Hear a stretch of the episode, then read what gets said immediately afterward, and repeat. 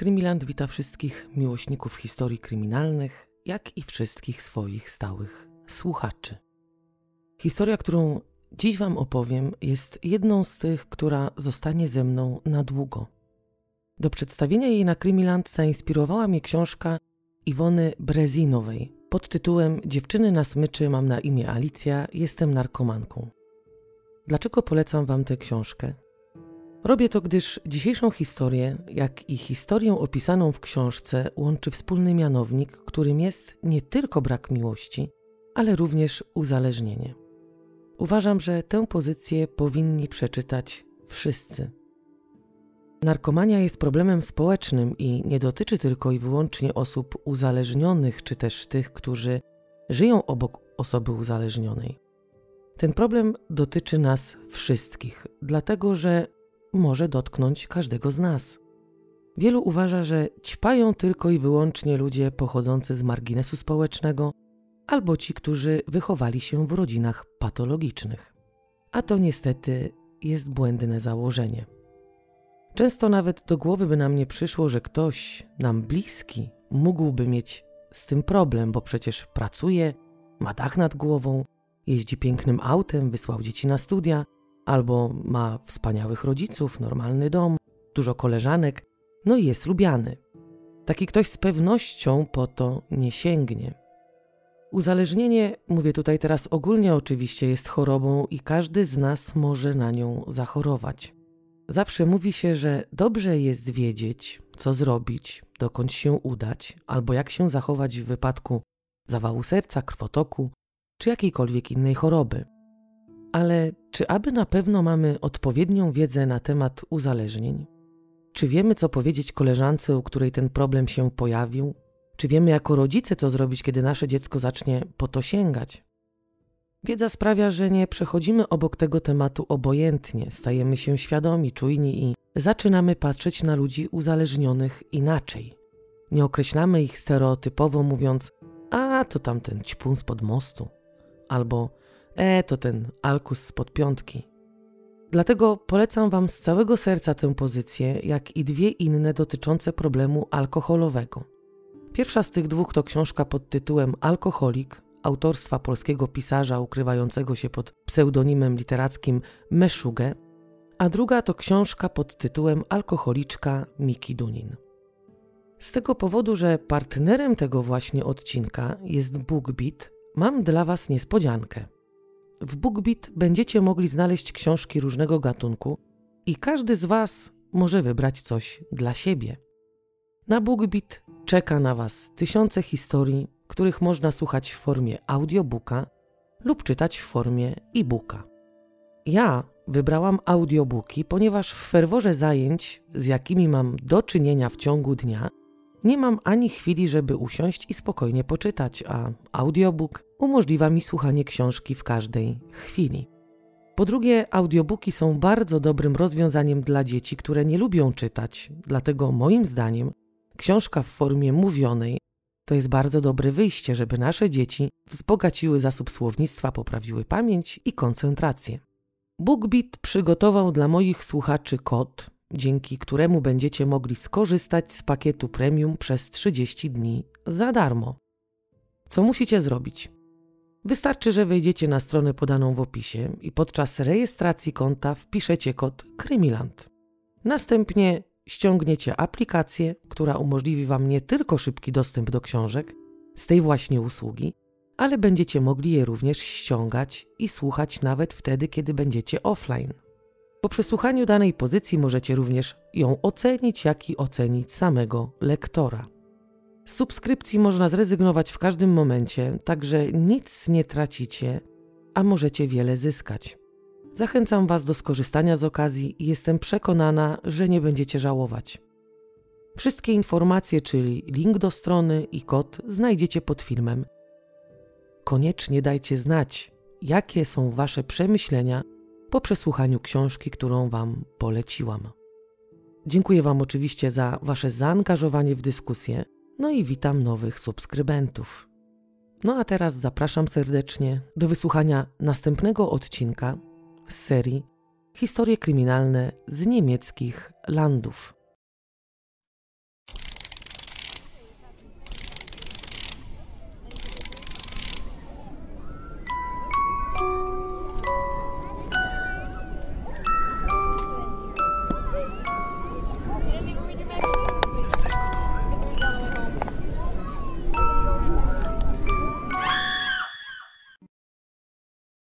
Jesteśmy w Badenii Wirtembergi, landzie, który jest trzecim z kolei pod względem wielkości w Niemczech.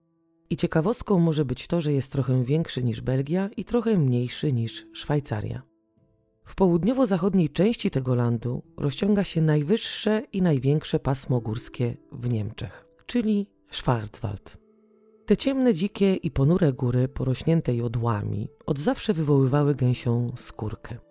To właśnie tam dawniej zawsze ukrywali się zbóje, czarownice i inne złe stwory, których dobrze byłoby unikać.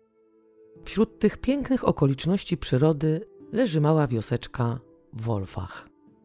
Miejscowość ta liczy prawie 6 tysięcy mieszkańców i jest często odwiedzana przez turystów. To właśnie tam 12 grudnia 1975 roku na świat przychodzi Lydia. Nie jest jedynaczką, jest drugim dzieckiem z kolei i ma starszego brata. Ojciec dziewczynki pracuje jako sprzedawca w firmie rozprowadzającej odkurzacze, a matka bez większych sukcesów również próbuje swoich sił w handlu. Otwiera jeden butik za drugim, jednak nie odnosi żadnych sukcesów biznesowych. Rodzice są świadkami Jehowy, dlatego też Lydia nie obchodzi urodzin, świąt i prawdę mówiąc, w jej dziecięcym życiu nie ma dnia, na który mogłaby czekać z utęsknieniem czy też z wypiekami na twarzy. Nie zna czegoś takiego jak listy do świętego Mikołaja, nie wie kto to jest wróżka zębuszka i nie ma pojęcia, że inne dzieci 5 grudnia czyszczą buty, bo w nocy przyjdzie Mikołaj, żeby zostawić im małe co nieco w prezencie. Kiedy ma trzy lata, jej rodzice rozwodzą się. Jest wówczas mała, nie rozumie tego, co się tak naprawdę dzieje w jej rodzinie. Nie może zdecydować sama, z kim chce zostać z ojcem czy z matką. W rezultacie czego dziewczynka zostaje z matką, a jej starszy brat idzie do babci. Ojciec natomiast się wyprowadza. Dziewczynka nie ma koleżanek, nie jeździ na szkolne wycieczki, nie bierze udziału w zajęciach pozalekcyjnych, nie przynosi do szkoły cukierków, kiedy ma urodziny i nie częstuje się nimi, kiedy któreś z dzieci przyniesie urodzinowe słodkości do szkoły. Nie może również być przewodniczącą klasy. Jest dość mocno ograniczana w kontaktach społecznych i nie chodzi tutaj już o szkołę, na podwórko też nie wychodzi, bo nie wolno jej kontaktować się z innymi dziećmi. Ograniczenia, restrykcje i wychowanie oparte na ideologii. Tak właśnie przebiega jej dzieciństwo. Matka dziewczynki nie radzi sobie do tego stopnia, że przez 10 lat Lydia i ona siedmiokrotnie zmieniają adres zamieszkania. Powodem tych ciągłych przeprowadzek jest to, że te nieudolne próby prowadzenia jednego butiku za drugim sprawiają, iż matka dziewczynki nie jest w stanie zapłacić czynszu. To było takie życie w ciągłym biegu. Lydia nie zdążyła się przyzwyczaić na dobre do któregoś z nowo wynajmowanych mieszkań, bo za chwilę musiały się znów wyprowadzić. Ten okres wspomina jako czas ogromnego stresu i samotności. Brak koleżanek, i ciągle nowe szkoły, bo wraz z przeprowadzkami dziewczynka również je zmieniała. Kiedy była mała, a matka w tym czasie była zajęta rozwijaniem biznesu, dziewczynką zajmowały się opiekunki. One również nie wykazywały jakiegoś specjalnego zainteresowania Lydią. Przychodziły, odbimbały swoje godziny i poszły. Nie pytały, jak było w szkole, nie rozmawiały z nią, nie przytulały. Dziewczynka często godzinami w samotności i ciszy wpatrywała się w akwarium. To była jej jedyna rozrywka i taki jakby telewizor, którego w domu z tego powodu, że matka była świadkiem Jehowy, nie było. Nie czuła się kochana, nie czuła, że ktoś w domu czeka na nią z utęsknieniem, że ktoś się w ogóle o nią martwi i że ktoś ją obroni, kiedy będzie tego potrzebowała. Matka dziewczynki, pomimo tej religijności i bycia świadkiem Jehowy, często wieczorami relaksowała się wypiciem ulubionego trunku. Później zasypiała na kanapie, a Lydia wynosiła za każdym razem puste butelki po piwie do piwnicy. Podczas tego właśnie sprzątania po matce pewnego dnia spadła ze schodów. Pusta butelka rozbiła się, a ona upadając dość poważnie zraniła się w ramię. Matka jakoś tak niespecjalnie przejęła się tą raną, po której została dość spora blizna. To właśnie ta blizna każdego dnia przypominała Ludii o tym, że tak naprawdę była bardzo samotnym dzieckiem. W życiu dziewczynki nie ma dnia, które mogłyby się od siebie różnić. Trzymała się określonego i narzuconego przez matkę, jak i wspólnotę planu dnia. Rano szkoła, po szkole wpatrywanie się godzinami w akwarium, albo chodzenie od domu do domu i rozmawianie o Bogu, czy też stanie na ulicy i rozdawanie strażnicy. Musiała jako dziecko w tym uczestniczyć, ponieważ ma wiedzieć, jak to się robi, kiedy dorośnie. Matka i tak ciągle powtarzała jej, żeby się uczyła, tak jakby to rzeczywiście było dla niej ważne. Tak jakby poza tym nic w jej życiu nie istniało, tak jakby rozmowa z nią, przytulenie nie było istotne, tak jakby poprzez wyganianie do nauki matka chciała, żeby córka zeszła jej po prostu z oczu. Dziewczynka wie, że musi słuchać matki. Nie chce być już przez nią policzkowana, tak jak wtedy, kiedy wróciła później do domu ze szkoły. Nie dość, że wtedy się jej dość mocno oberwało, to musiała dodatkowo pisać sto razy jedno zdanie: Nie mogę się już spóźniać. Ojciec nie jest zbytnio zainteresowany życiem swoich dzieci. Nie wychodzi pierwszy z propozycją kontaktu, ale również nie oponuje, kiedy Lydia chce go odwiedzić. Tęskni za nim i wierzy, że to właśnie on da jej to, co powinno otrzymać dziecko od swoich rodziców: miłość, uwagę, zrozumienie i poczucie bezpieczeństwa. Kiedy dzieje się tak, że Lydia chce się z nim zobaczyć, ten nie jedzie po nią, nie wysyła nikogo starszego, żeby przywiózł jego córkę.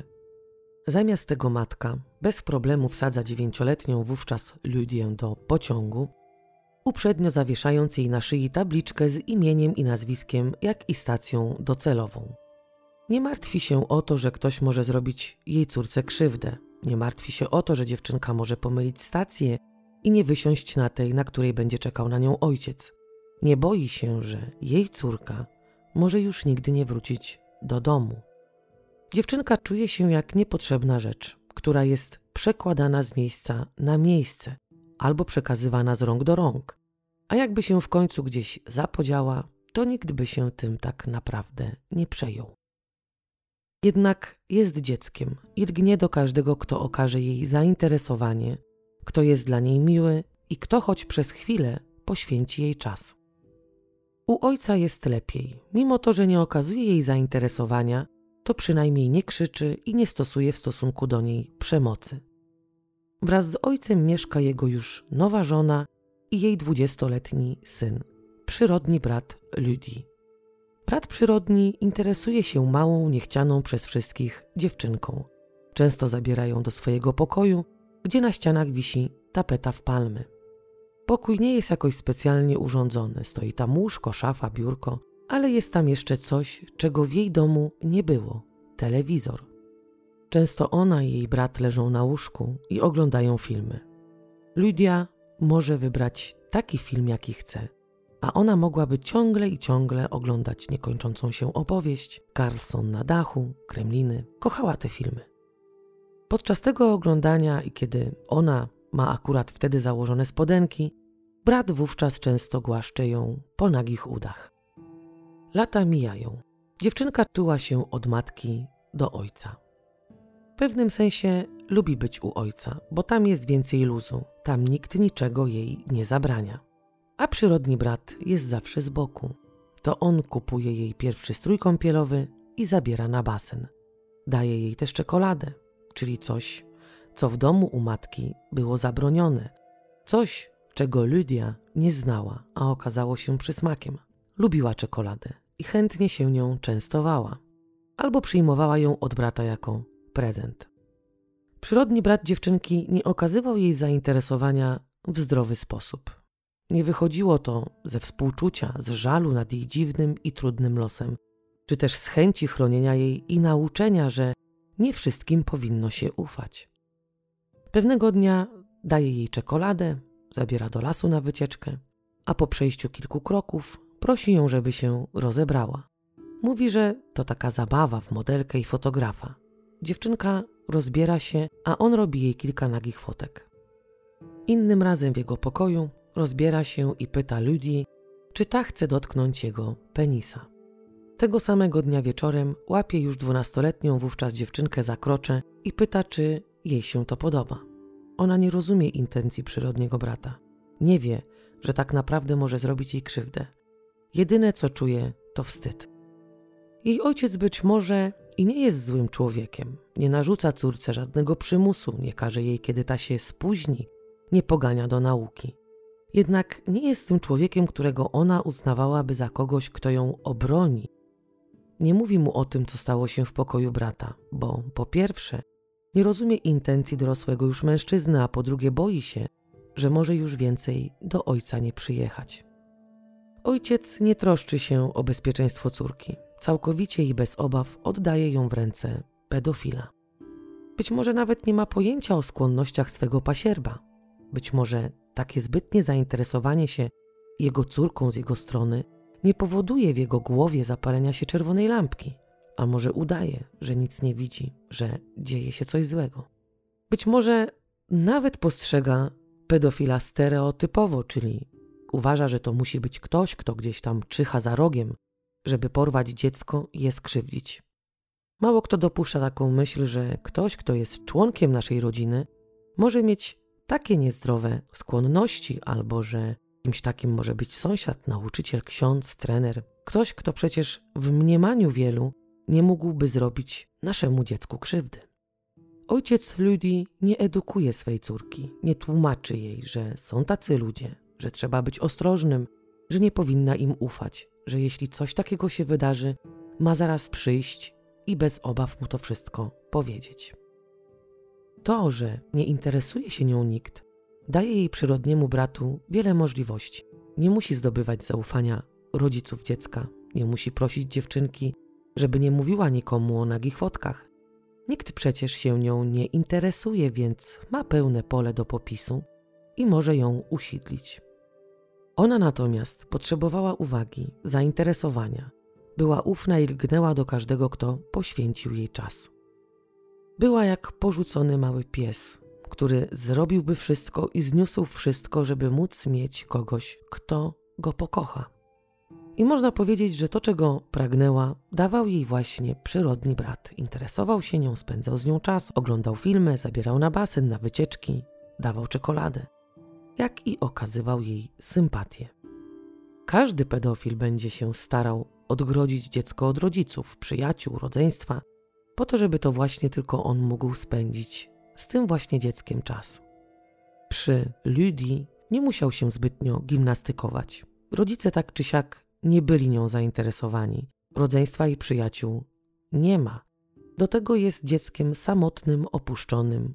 No i jak już wspomniałam tutaj wiele razy, łaknącym uwagi. Kiedy dziewczynka ma 13 lat, nie może już dłużej wytrzymać tego, w jaki sposób traktuje ją matka.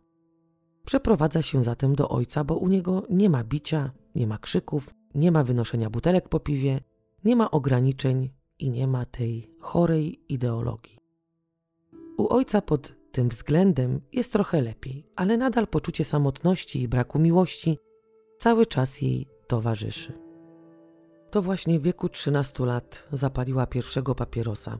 Koleżanki, z którymi to robiła, imponowały jej. Chciała, żeby ją akceptowały, bo przecież tego pragnęła całe życie. Może kierowała nią chęć łamania wszystkich zakazów, jakie ciągle stawiała jej matka. Być może nawet tym chciała podnieść swoją własną samoocenę, a może tak właśnie walczyła ze stresem. W dość krótkim czasie uznała, że papierosy nie wystarczą. Sięgnęła po alkohol, później po haszysz, marihuanę i benzodiazepiny. Po ich zażyciu niczego się już nie boi. Można powiedzieć, że eksperymentuje. Sama mówi później, że dopóki była na haju, wszystko było dobrze, bo, bo zapomniała i nie myślała o tym, co, co się wokół niej dzieje. Pod wpływem haju nie czuła już tej przenikającej ją od środka samotności i poczucia beznadziejności. To był pewien rodzaj ucieczki.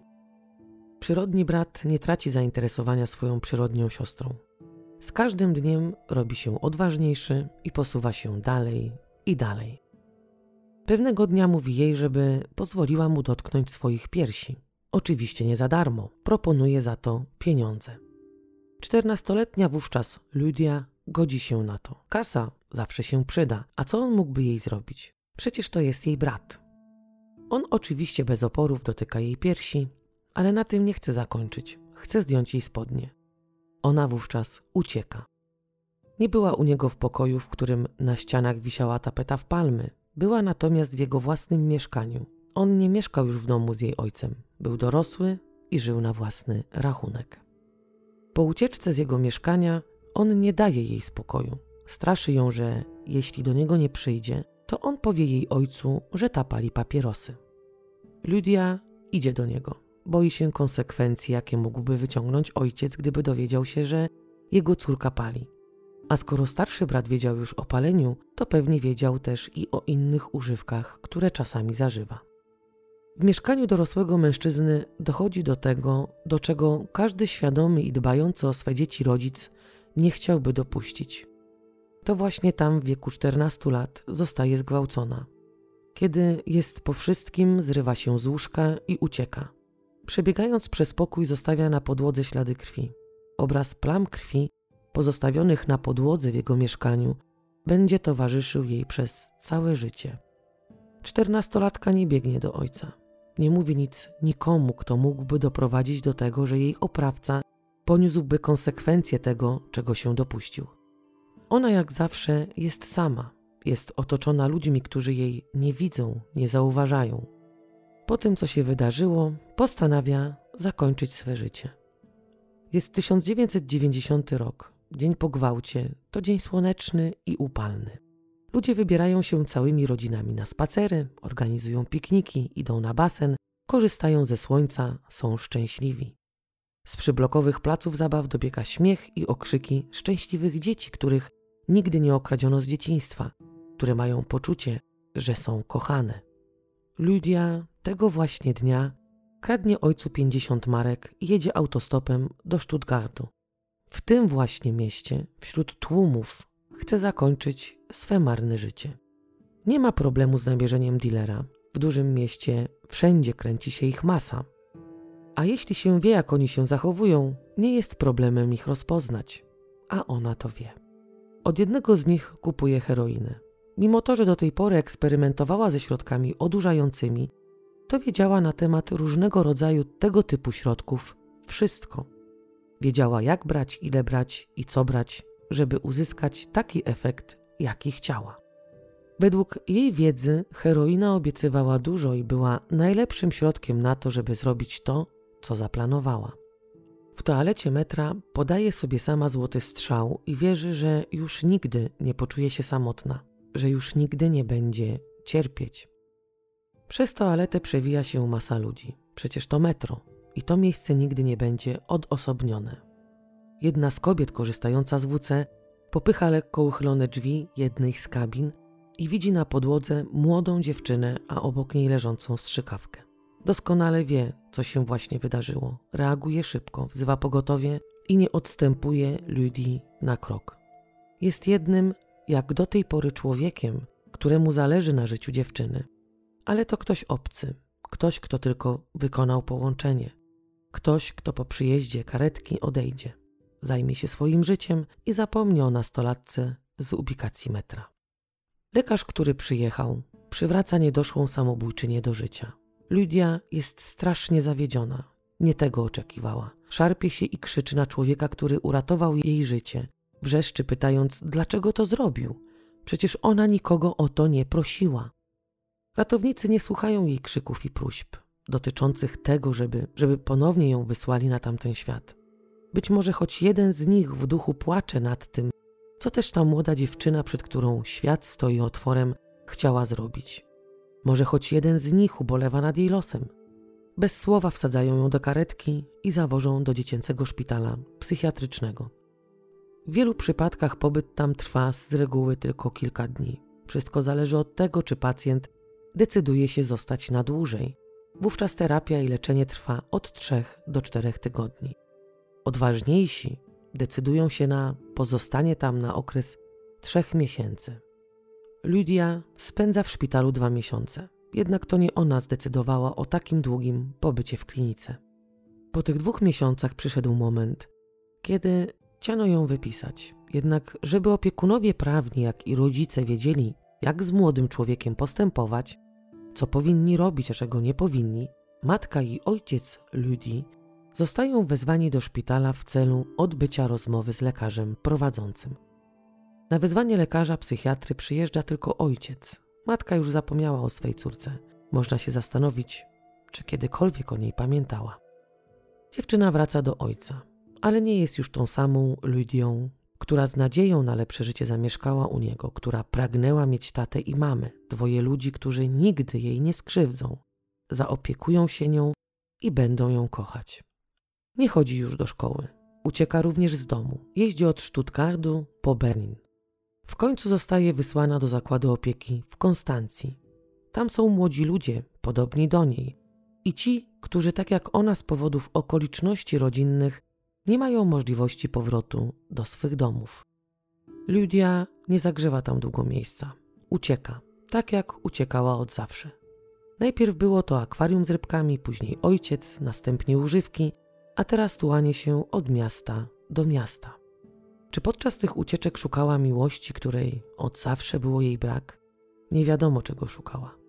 Ale pewne jest to, że potrzebowała pomocy. Kiedy ma 17 lat, poznaje chłopaka, który staje się później jej bardzo bliski. Otrzymuje w końcu to zainteresowanie i nie jest sama. Mieszkają razem w przyczepie, palą trawkę i grają na gitarze. To przy nim po raz drugi sięga po heroinę. Pewnego dnia jej chłopak proponuje jej, żeby pojechali do Aachen, bo tam heroina jest dużo tańsza.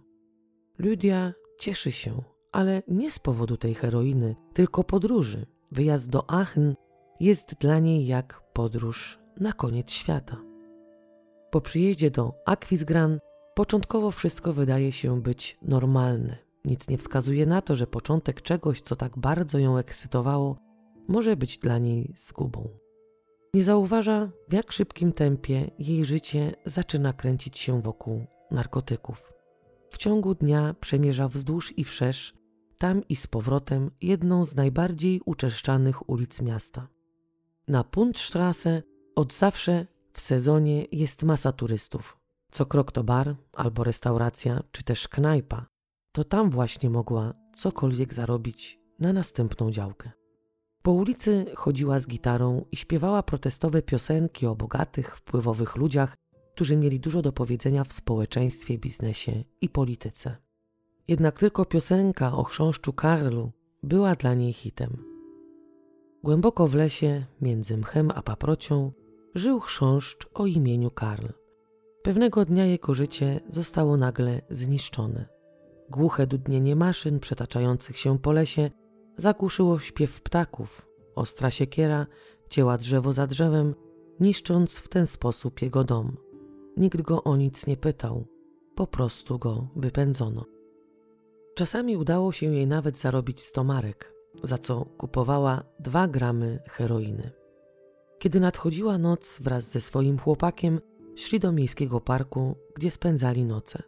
Nie funkcjonowali, jak mówiąc potocznie, normalni ludzie, którzy swe życie dzielą na przeszłość, teraźniejszość i przyszłość. Oni żyli od działki do działki. To właśnie ona wyznaczała im przeszłość, teraźniejszość i przyszłość. Byli po prostu zapętleni w jednym czasie. Nie martwili się o to, czy jutro będą mieli co jeść. Najważniejsza była heroina. Upływ czasu był dla nich niezauważalny. Nawet nie spostrzegli, że sezon turystyczny, który nie trwa przecież wiecznie, minął. Słońce już nie dawało wystarczająco dużo ciepła, a pogoda nie nastrajała optymistycznie. Z dnia na dzień zaczynało się robić chłodniej i chłodniej. Ludzie nie przesiadywali już przed knajpami pod parasolami, a co za tym idzie, zdobycie pieniędzy na działkę w taki sposób, w jaki robili to do tej pory, graniczyło z cudem. Pewnego dnia chłopak Ludzi oznajmił jej, że ma już dość, że wraca do swej przyczepy, którą zostawił w Konstancji. Tam przynajmniej będzie miał jakiś dach nad głową. Ona jednak postanawia zostać w Aachen. Początkowo próbowała jeszcze zdobyć pieniądze grając na gitarze, jednak ludzie już ją znali, wiedzieli, że to ćpunka. Poza tym nie zawsze wyglądała dobrze, a słowa piosenki dość często się jej myliły. Śpiewanie nie dawało jej już żadnego dochodu, a organizm domagał się dawki. I żeby szybko zarobić, zaczęła więc sprzedawać swe ciało. Ludia jest młoda, piękna i wciąż ma 17 lat. Wśród prostytutek jest najmłodsza i na brak klientów nie może narzekać. Dziennie obsługuje do trzech klientów. Bywają dni, kiedy idzie tylko z jednym. Nie dlatego, że nie ma chętnych, ale dlatego, że sama sobie tak to ustaliła. Jeśli ma mało pieniędzy, potrafi jednego dnia pójść z czterema klientami. Uprawia z nimi seks klasyczny, oralny, sadomasochistyczny. Prawdę mówiąc, to godzi się na wszystko. Najważniejsze jest to, żeby zdobyć pieniądze na działkę. Tak mija dzień za dniem, aż pewnego dnia podchodzi do niej Herman, starszy od niej o 50 lat mężczyzna. Jest podwójnym rozwodnikiem, ma wnuki i czworo dzieci. Dzieci nie pochodzą z tych dwóch związków, które zakończyły się rozwodem. Każde z jego potomstwa ma inną matkę, czyli można powiedzieć, że to obrotny mężczyzna. Poza tym kiedyś prowadził własną firmę, którą był sklep spożywczy. Mimo tego, że jest można powiedzieć obeznany z kobietami i często korzystał z usług prostytutek, to nie traktował ich źle. Był inny niż wszyscy klienci. Grzeczny, płacił dobrze i zawsze wracał. Któregoś dnia mężczyzna daje jej swój numer telefonu i mówi, że jak będzie czegoś potrzebowała, to niech do niego zadzwoni. Ona odruchowo chowa numer do kieszeni i zapomina o nim. Nie zamierza dzwonić do Hermana. Nie zamierza mieć z nim żadnego kontaktu. To, że jest jej klientem, jest już wystarczające.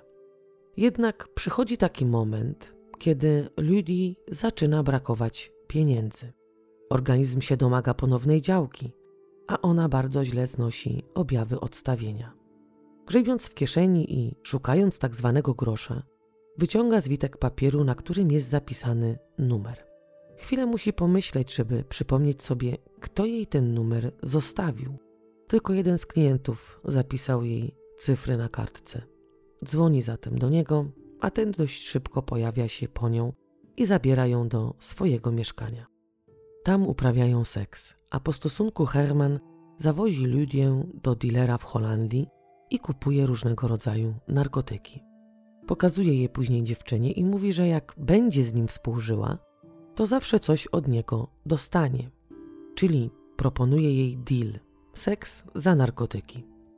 Ludia nie zgadza się na ten układ. Zamiast tego próbuje przemycić przez granicę 7 gram heroiny. Chowa proszek w pochwie.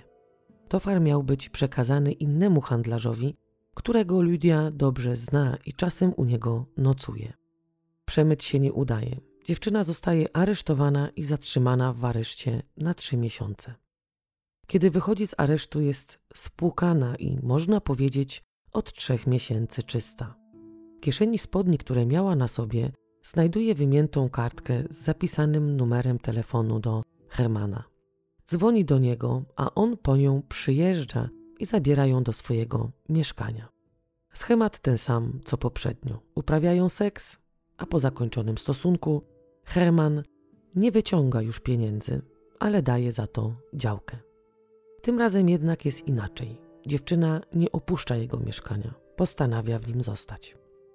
Nie wie jeszcze o tym, że jej dotychczasowe życie kręcące się wokół narkotyków, prostytucji i ulicy powoli dobiega końca.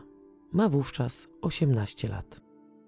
Mija rok od momentu, kiedy wprowadziła się do Hermana. Można powiedzieć, że ona i jej wybawca zostają parą. Ona nie pracuje, a on starszy od niej o trzy dekady, będący już na emeryturze, utrzymuje ją. Ale to ich Wspólne życie nie wygląda tak, jakby się mogło wydawać. Nie wygląda tak, że znalazł się ktoś, kto chce z miłości ratować życie pogubionej, osamotnionej dziewczyny, że chce się dla niej poświęcić. On jak tylko może, za każdym razem stara się okazać jej brak szacunku, bo tak naprawdę ona jest dla niego nikim. Ma robić, co jej każe, a jeśli nie będzie posłuszna, to ją załatwi. Cokolwiek robi dla niej, nie robi tego bezinteresownie, a ona jest od niego zależna pod każdym względem i musi za wszystko płacić. Nie płaci oczywiście gotówką, bo pieniędzy nie ma. płaci mu w naturze. On robi jej śniadanie, ona mu w zamian obciąga. On wypełnia jej wniosek, wniosek o zasiłek, ona mu obciąga. Załatwia jej miejsce w programie metadonowym, ona mu obciąga.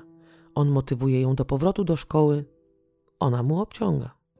Dziewiętnastolatka nie może nigdy zapomnieć, że każdej nocy musi mu obciągnąć. To taki deal, bo w życiu przecież nic nie ma za darmo. Nikt inny nie chciał jej ratować, nikomu innemu nie zależało na tym, żeby ściągnąć ją z ulicy. O ojcu i matce już dawno zapomniała, tak jak oni o niej. To wszystko być może zabrzmiało bardzo wulgarnie, ale żeby oddać w pełni to, jak wyglądało to wspólne życie, inaczej tego nie dało się ująć. Przepraszam wrażliwe uszy za użycie tych określeń, ale my mówimy tu o życiu na marginesie, a nie o salonach. Herman, nie wiem może jak to określić, ale chyba stara się, żeby przestała ćpać, bo po każdym jej nawrocie i zaćpaniu ponownie próbuje ją odstawić. Kiedy Lydia ma 23 lata, jest w końcu czysta. Kończy Hauptschule, potem idzie do Realschule, następnie zdaje maturę z bardzo dobrym wynikiem. Każdy sukces wywołuje w niej większą chęć działania i, jakby nie było, dopinguje do tego, żeby pięła się wyżej i wyżej. Jako dziecko marzyła o tym, żeby zostać lekarzem, ale ciągle uważała siebie za zbyt głupią, mało inteligentną i taka, której status społeczny nie pozwala na to, żeby zrobić taki krok i pójść na medycynę. Jej poczucie własnej wartości i to, że żyła na ulicy, nie powodowało zwiększenia jej wiary w siebie. Mimo wszystko próbuje i wysyła dokumenty na Uniwersytet w Aachen. Podświadomie wierzę, że tak naprawdę bez Hermana nie byłaby w miejscu, w którym jest teraz. A może jednak udałoby się jej bez niego? W każdym razie w tym momencie nie widziała tego inaczej. I jednak pomimo tej wdzięczności, którą czuła do niego, nadal za to, co on dla niej zrobił, to nie czuła się kochana i nie czuła tego, że on robi to z miłości. Prawdę mówiąc, ich związek nie wygląda tak, jakby mógł wyglądać i jakby ona tego chciała, żeby wyglądał. Herman jest jej panem i władcą, który od czasu do czasu zabierze ją na urlop, kupi ciuchy, zapłaci za kurs prawa jazdy, zabierze ją do restauracji. Nie mają znajomych, nie utrzymują kontaktów z jego dziećmi ani wnukami. On nie robi tego po to, żeby, żeby ona się usamodzielniła. On robi to po to, żeby ją usidlić. Chce, żeby wiedziała, że bez niego się stoczy. Podczas rozmowy o niej z kimś obcym nie nazywa jej po imieniu, tylko mówi pypi, to znaczy laleczka. Tak jakby chciał pokazać innym, że ona jest tylko zabawką, że tak naprawdę to on nie traktuje jej poważnie, że w każdej chwili może się jej pozbyć, jak czegoś, co nie jest i nie będzie mu już potrzebne. Ich dzień oprócz tej jej zapłaty w naturze za to, co on robi dla niej, nie wygląda szczególnie. On siedzi przed telewizorem, a ona się uczy. Uczy oczywiście w przerwach na to, co robi za każdym razem, kiedy on woła ją tym charakterystycznym, chrapliwym tonem. Studia medyczne są dla niej wszystkim, poświęca im każdą chwilę. Nie chce już być tak traktowana, jednak nie ma zbyt dużej siły odejść od Hermana. Z czasem, kiedy ona odnosi coraz większe sukcesy, on staje się coraz bardziej zaborczy. Kiedy wróci później do domu, krzyczy na nią, wymaga tłumaczenia się, gdzie była i co robiła. Często ją policzkuje, szarpie i nie przebiera w słowach. Nie pozwala jej zapomnieć, kim była, skąd ją zabrał i co dla niej zrobił, i kim tak naprawdę dla niego jest i będzie. Nie są to słowa, które mogą świadczyć o miłości. On nie chce stracić nad nią władzy, bo doskonale wie, że jego mała narkomanka powoli staje się niezależną panią doktor, a ona nie wie, co zrobić. Chce od niego odejść, ale nadal jest w dużym stopniu od niego zależna. Jest zależna do tego stopnia, że w końcu go poślubia. Pomimo tego, że on ją tak traktuje, ona jest mu dozgonnie wdzięczna za to, że wyciągnął ją z bagna, w którym tkwiła i ciągle obawia się, że tak naprawdę bez jego kontroli sięgnęłaby po działkę. A on ją poniża i zaczyna od czasu do czasu bić. Ona jest jak taki zbity pies, ciągle liczy na miłość, szacunek i myśli, że skoro będzie dla niego dobra, to on ją też pokocha. Dba o niego, bo się po prostu martwi o jego zdrowie. W 2008 roku rozpoczyna praktyki w szpitalu uniwersyteckim w Aachen. Zawód, o którym marzyła jako dziecko, w życiu dorosłym po takich doświadczeniach staje się niebezpieczny. Nawet ucząc się, nigdy nie przestała myśleć o narkotykach i środkach odurzających. A teraz ma to wszystko na wyciągnięcie ręki. Nie wytrzymuje długo. Kiedy stres, który jej towarzyszył przed sesjami, mija, zaczyna kraść. Początkowo kradnie małe dawki, po 5 mg, później już coraz większe, aż bierze wszystko, co tylko wpadnie jej w ręce: benzodiazepiny, barbiturany, morfina. Ponownie zaczyna ćpać. Kończy studia, będąc na haju. Otrzymuje stopień doktorski z oceną dobrą. Jest specjalistką od wentylacji nieinwazyjnej. Chce pracować jako anestezjolog. Jej mąż ma wówczas 83 lata i wie, że ona jest w nawrocie. Dla niego taka opcja jest ok, nie ucieknie od niego, nie stanie się niezależna, więc nie protestuje, kiedy widzi ją naćpaną. Lydia wysyła aplikację za aplikacją. Wszyscy odpisują jej w grzecznym tonie, że nie mają dla niej wolnego wakatu, pomimo iż się ogłaszali. Z każdym kolejnym listem czuje coraz większą porażkę, czuje się skazana na swojego męża i straciła nadzieję, że kiedykolwiek zacznie ją szanować, że kiedykolwiek sama stanie na nogi. Nie skarży się jednak, przyjmuje porażkę w ciszy i w ciszy cierpi. Nie wysyła już nawet tych aplikacji, które leżą na jej stoliku. Przestała wierzyć w to, że kiedykolwiek się jej to uda. Zamiast walki o lepsze jutro i niezależność, poddaje się i postanawia w 2010 roku zarejestrować się w Easy Flirt, taka aplikacja podobna do Tindera. Szuka rozmowy, wymiany poglądów, dyskusji o literaturze, gadki o pierdołach, szuka uwagi. Po siedmiu dniach jednak usuwa swój profil, bo ci, którzy się z nią kontaktują, chcą tylko seksu. Po pół roku ponownie loguje się w tej samej aplikacji, ale już na innym niku Larisa Punk i tam spotyka szarego wilka. Mężczyzna jest przeciwieństwem jej męża i tych, którzy od razu bez pardonu w wiadomościach prywatnych proponowali jej spotkanie na seks. Jest od niej starszy o 31 lat. Ona ma 34, a on 65. Mężczyzna pomimo swego wieku jest wysportowany i można powiedzieć, że trzyma się dobrze. Znajomość internetową zaczął tym, że chciał się czegokolwiek o niej dowiedzieć, interesował się nią, słuchał tego, co mówiła, dopytywał, dawał jej odczuć, że jej zdanie na dany temat jest dla niego ważne. 34-letnia wówczas kobieta opowiada mu o studiach medycznych, a on opowiada jej o swoich wnukach. Po pewnym czasie dochodzą do wniosku, że pomimo różnicy wieku, pomimo różnicy w doświadczeniach, łączy ich jedno poczucie samotności. Znajomość, która początkowo była tylko znajomością internetową, przenosi się w życie realne. Lydia zaprasza Erysia do Aachen, a on oczywiście przyjeżdża. Zwiedzają miasto, idą na dobrą kolację, rozmawiają. Ona opowiada mu o swoim małżeństwie, o tym, że czuje się samotna i nierozumiana. Później lądują w hotelu i uprawiają seks. Całkowicie dobrowolnie, bez przymusu, bez zobowiązań. To był pierwszy raz, kiedy seks z drugim mężczyzną bardzo się jej podobał, ale z powodu Hermana miała ogromne wyrzuty sumienia. Wiosną 2010 roku Lydia informuje swojego męża, że chce separacji, że nie chce już tak dłużej żyć. On w odpowiedzi blokuje jej wszystkie karty i straszy, że sprawi, iż ona wróci na ulicę. Ona zostaje bez grosza przy duszy i nie wierzy w to, że kiedykolwiek uda się jej znaleźć pracę w swoim zawodzie. Znajomość z Erisiem, czyli szarym wilkiem, trwała i się rozwijała. Jemu imponowało początkowo to, że taka piękna i inteligentna z wieloma talentami kobieta zwróciła na niego uwagę. A jej podobało się to, że jest dla niego ważna. Oboje natomiast wiedzą, że z tego mogłoby powstać piękne uczucie, które się, prawdę mówiąc, w ich sercach już zrodziło.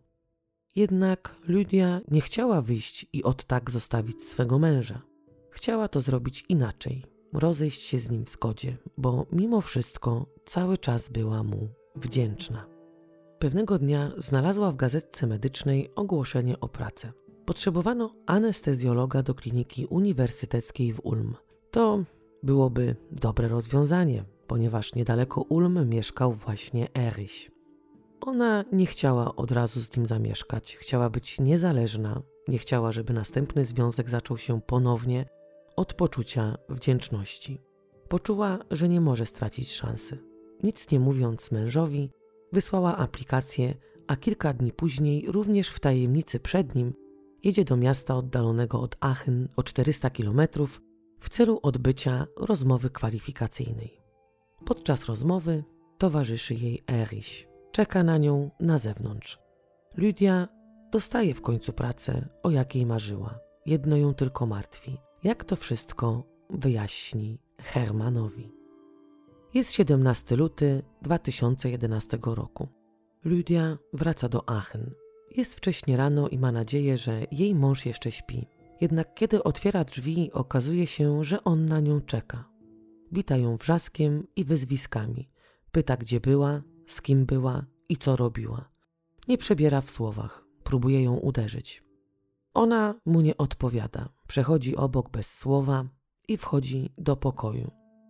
Przechodząc obok stolika, potrąca leżącą na nim kopertę z jedną z aplikacji, której nigdy nie wysłała. Z koperty wysypują się kartki, a wraz z nimi liścik Hermana ostrzegający potencjalnego pracodawcę przed przyjęciem narkomanki i byłej prostytutki do pracy. Lydia teraz rozumie, dlaczego zawsze jej odmawiano etatu. Jej mąż nie chciał, żeby stała się niezależna. Była jego własnością, więc to on decydował, kiedy i czy w ogóle pójdzie do pracy. Ona nie krzyczy, nie robi awantury, nigdy nie robiła, cierpi w ciszy. Następnego wieczoru, nie wytrzymując jednak, konfrontuje go z tym, co zrobił. Mówi mu, że wie o tym, iż sabotował każdą jej próbę otrzymania etatu i informuje go o tym, co zamierza zrobić. On wrzeszczy, krzyczy, że posunęła się za daleko, że jest najgorszą uzależnioną od narkotyków dziwką, że wie, iż ona ćpa, że cofnie jej prawo jazdy i że sprawi, iż Lydia wróci do momentu, w którym była, kiedy przywiózł ją do siebie 18 lat temu. Wrzeszczał, że ma pełne prawo i moc odesłać ją z powrotem do rynsztoka, z którego ją wyciągnął, że sprawi, iż zakażą jej wykonywania zawodu. Przerywa na chwilę, uśmiecha się i prowadzi monolog dalej, informując, że ona będzie musiała robić to, co on jej każe, że jest tu tylko po to, żeby dawać mu dupy i być jego małą prywatną dziwką. Nikim więcej dla mnie nie byłaś i nie będziesz, krzyczy. Ona bez słowa obraca się i idzie do kuchni. Podchodzi do szafki, wyciąga ampułki z morfiną, napełnia strzykawkę i chce sobie ją wstrzyknąć. Nie chce już go słyszeć. Chce uciec przed tym niekończącym się terrorem. On nadal krzyczy. Ludia otwiera następną ampułkę i prosi męża, żeby w końcu przestał. Wyciąga następną i następną. Nie pamięta dokładnie, ile już ich było. Może cztery, może pięć. Stoi przez chwilę z napełnioną strzykawką, aż w końcu odwraca się i biegnie do salonu. Ma uczucie, że stoi z boku i samą siebie obserwuje. Herman spostrzega strzykawkę i pyta, co chcesz zrobić z tą strzykawką, dziwko? Ty suko, ty obrzydliwa mała suko, ty... To ostatnie słowa, jakie wypowiedział. Ona, po wstrzyknięciu mężowi morfiny, wychodzi z domu. Następnego dnia rankiem 19 lutego 2011 roku wraca do domu i zastaje Hermana leżącego przy kanapie. Od razu wie, że on nie żyje, ale nie wie dlaczego nie kojarzy jego śmierci z ilością wstrzykniętej przez nią morfiny. Zamiast zadzwonić na pogodowie, dzwonił zapłakana do Erisia. Ten radzi jej jednak, żeby skontaktowała się z lekarzem rodzinnym jej męża. W końcu dzwoni na pogotowie. Przyjeżdża lekarz i policja. Widzą zapłakaną i zszokowaną młodą kobietę. Lekarz bada Hermana i stwierdza zgon. Mąż Ludi był słusznego wieku, chorował na serce, był otyły, i miał problemy z płucami, więc śmierć mogła przyjść po niego każdego dnia. Jednak lekarz zauważa na jego głowie zadrapanie i nie tylko dlatego, ale dlatego też, że widzi przy tak starszym mężczyźnie tak młodą kobietę, zleca sekcję zwłok w celu poznania prawdziwej przyczyny śmierci. Policja nie przeszukuje domu, bo gdyby to zrobili, znaleźliby w kuchni reklamówkę z pustymi ampułkami po morfinie. Podczas gdy wszystko jest w toku, a prawdziwa przyczyna śmierci nie jest jeszcze ustalona, Lydia wypowiada mieszkanie w Aachen i wyjeżdża do pracy w Ulm.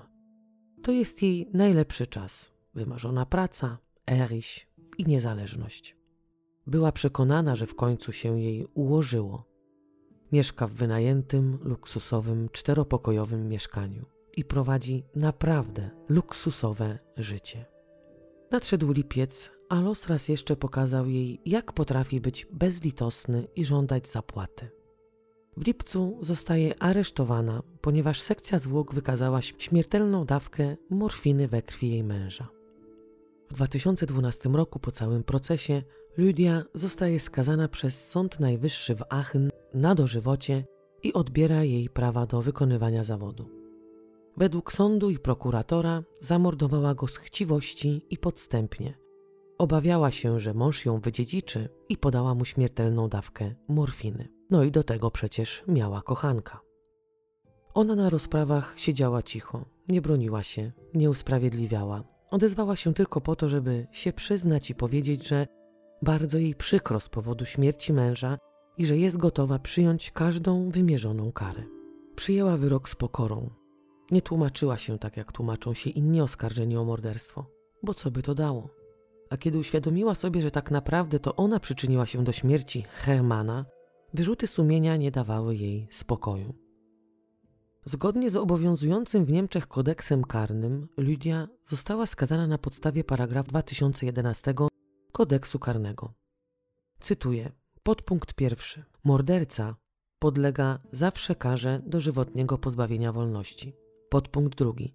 Mordercą jest ten, kto z rządzy dokonania morderstwa dla zaspokojenia popędu seksualnego, z chciwości lub innych podłych motywów podstępnie, okrutnie lub w sposób niebezpieczny dla społeczeństwa, czy też w celu umożliwienia lub zatuszowania innego przestępstwa zabija człowieka. Jeśli chodzi o karę dożywotniego pozbawienia wolności w Niemczech, ma ona być postrzegana jako przypadek pozbawienia wolności na czas określony. Ta kara może zostać zawieszona na tak zwaną próbę po odsiedzeniu przez skazanego 15 lat. Tak było w przypadku pani Wajma, która została skazana za zamordowanie swoich córeczek. O jej przypadku opowiadałam w odcinku 10. Zgodnie z paragrafem 57a kodeksu karnego istnieje właśnie taka możliwość, żeby skazany po 15 latach wyszedł na okres próbny, który wynosi 5 lat. Do tych 15 lat oczywiście jest doliczany czas, w którym skazany odsiedział w areszcie przed rozprawami i skazaniem. Oczywiście nie dzieje się to tak, że, że sąd po 15 latach orzeka, iż dany skazany może sobie już wyjść na wolność i odbyć pięcioletni okres próby. Taki morderca może wyjść na wolność pod warunkiem, że po pierwsze odsiedział te już 15 lat, a po drugie oceniana jest również wówczas szczególna waga jego winy.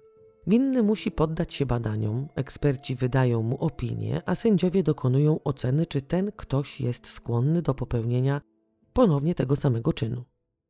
I to nie jest tak, że przykładowo istniałoby podejrzenie, że ten ktoś wychodząc popełni inne przestępstwa, czyli do, zacznie dokonywać kradzieży, kupować narkotyki, będzie przykładowo paserem, będzie jakimś tam chuliganem, to jednak te przestępstwa nie mają takiej wagi winy jak morderstwo i na to nie zwraca się uwagi, kiedy podejmuje się decyzję o tym, że po 15 latach dany morderca może wyjść na okres próbny.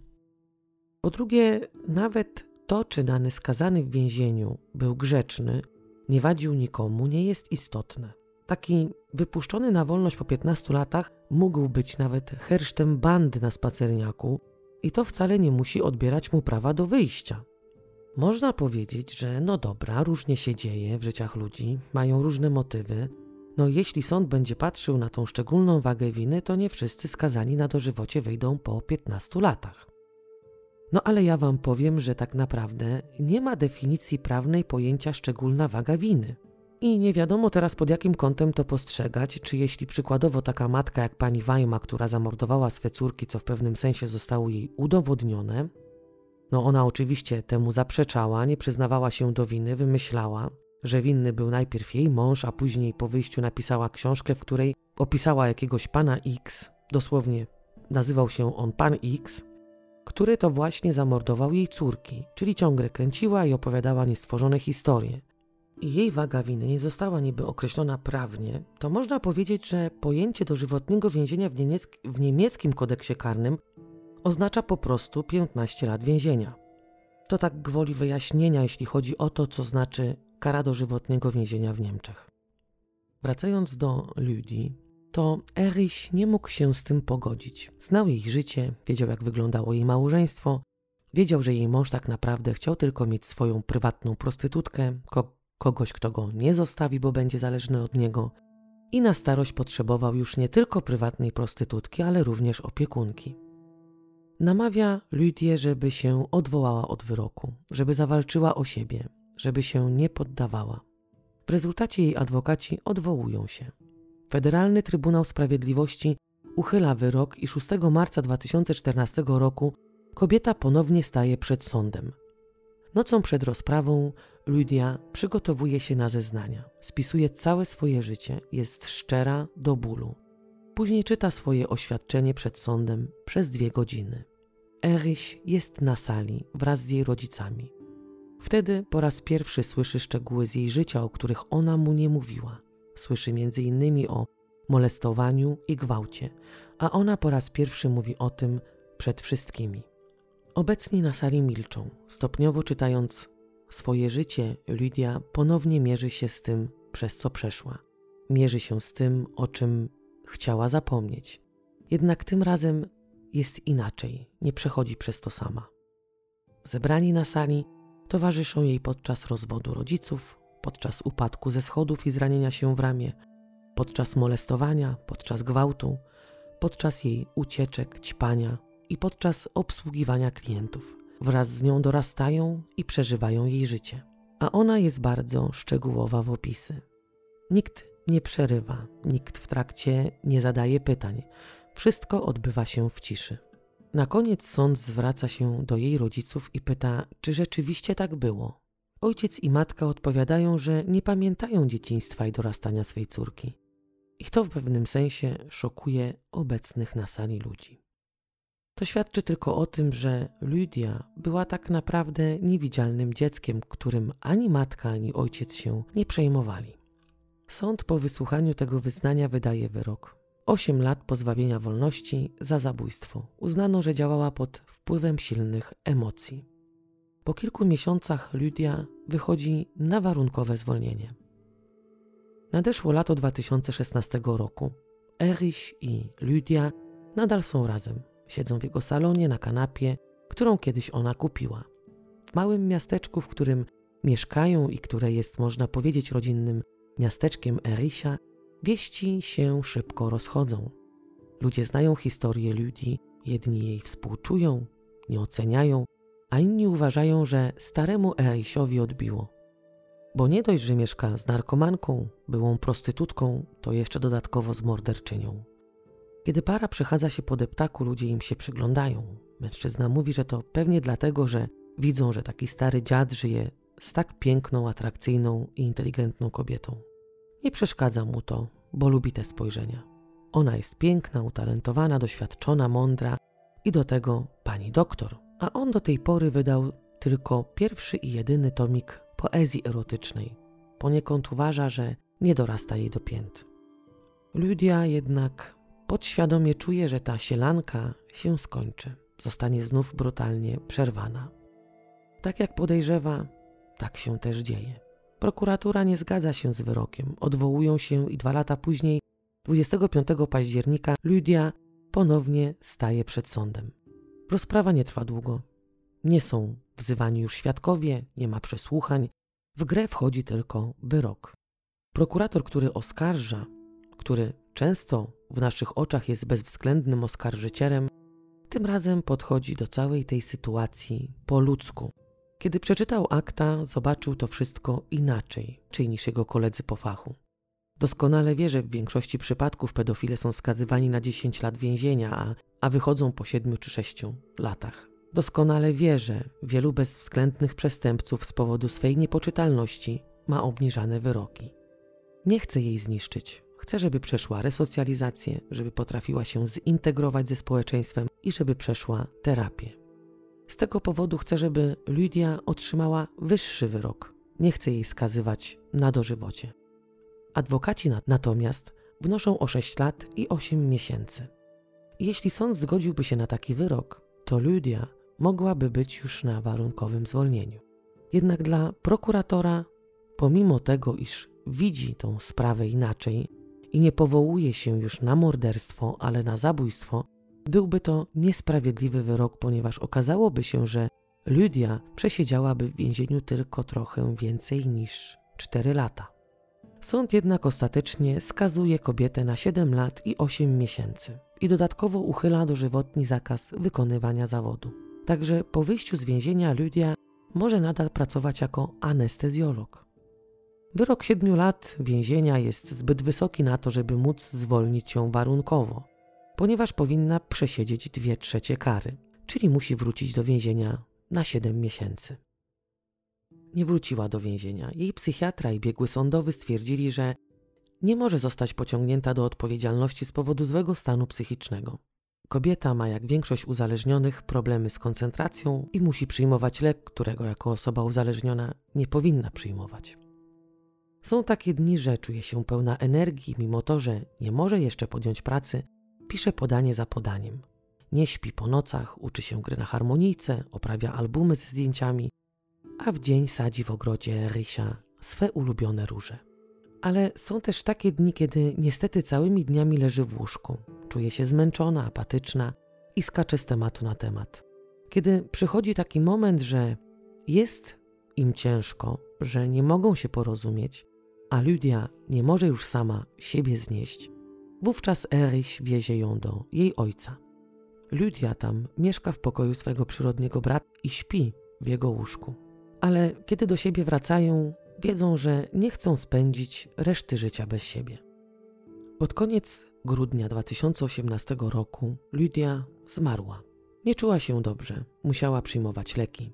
Chorowała na cukrzycę, zapalenie wątroby, ADHD i zaburzenia schizoafektywne. Siedem tygodni przed śmiercią napisała mężczyźnie swego życia wiersz, w którym tak jakby zapewniła go, że jeśli zachowa o niej pamięć, to nigdy nie będzie sam.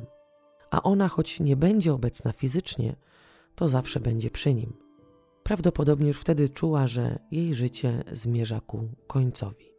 Zmarła w łóżku swego przyrodniego brata. Jej ojciec i Eryś postanowili pochować ją w jej rodzinnym miasteczku. Do trumny włożono jej ukochane róże, harmonijkę ustną i nuty jej ulubionych utworów. Wszystkie te utwory były grane na jej pogrzebie.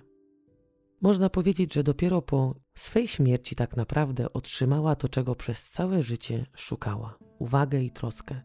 Bo właśnie po jej śmierci dwóch mężczyzn, można powiedzieć najważniejszych w jej życiu, co środa spotykają się przy jej grobie. Historia nie jest może taka, na jakie czekacie na tym kanale, ale jest bardzo poruszająca i jest jak najbardziej historią kryminalną. Uzależnienie to problem złożony, na który wpływa wiele czynników i nie dotyka tylko młodzieży. To może zdarzyć się każdemu z nas. Raz jeszcze polecam audiobooka Dziewczyny na smyczy. Mam na imię Alicja, jestem narkomanką. Zachęcam z całego serca do skorzystania z kodu jakiej aplikacji BookBeat. Jestem ciekawa, co sądzicie o całej tej sprawie, którą Wam tutaj przedstawiłam. Jestem ciekawa, jakie macie podejście do osób, które borykają się z uzależnieniem jak postrzegacie rodziny tych ludzi, no i czy posiadacie odpowiednią wiedzę na temat skutków zażywania środków odurzających i nadużywania alkoholu. Zapraszam do dyskusji. No i oczywiście jestem bardzo ciekawa, jakie macie przemyślenia po przeczytaniu czy też przesłuchaniu książek, o których Wam tutaj wspomniałam.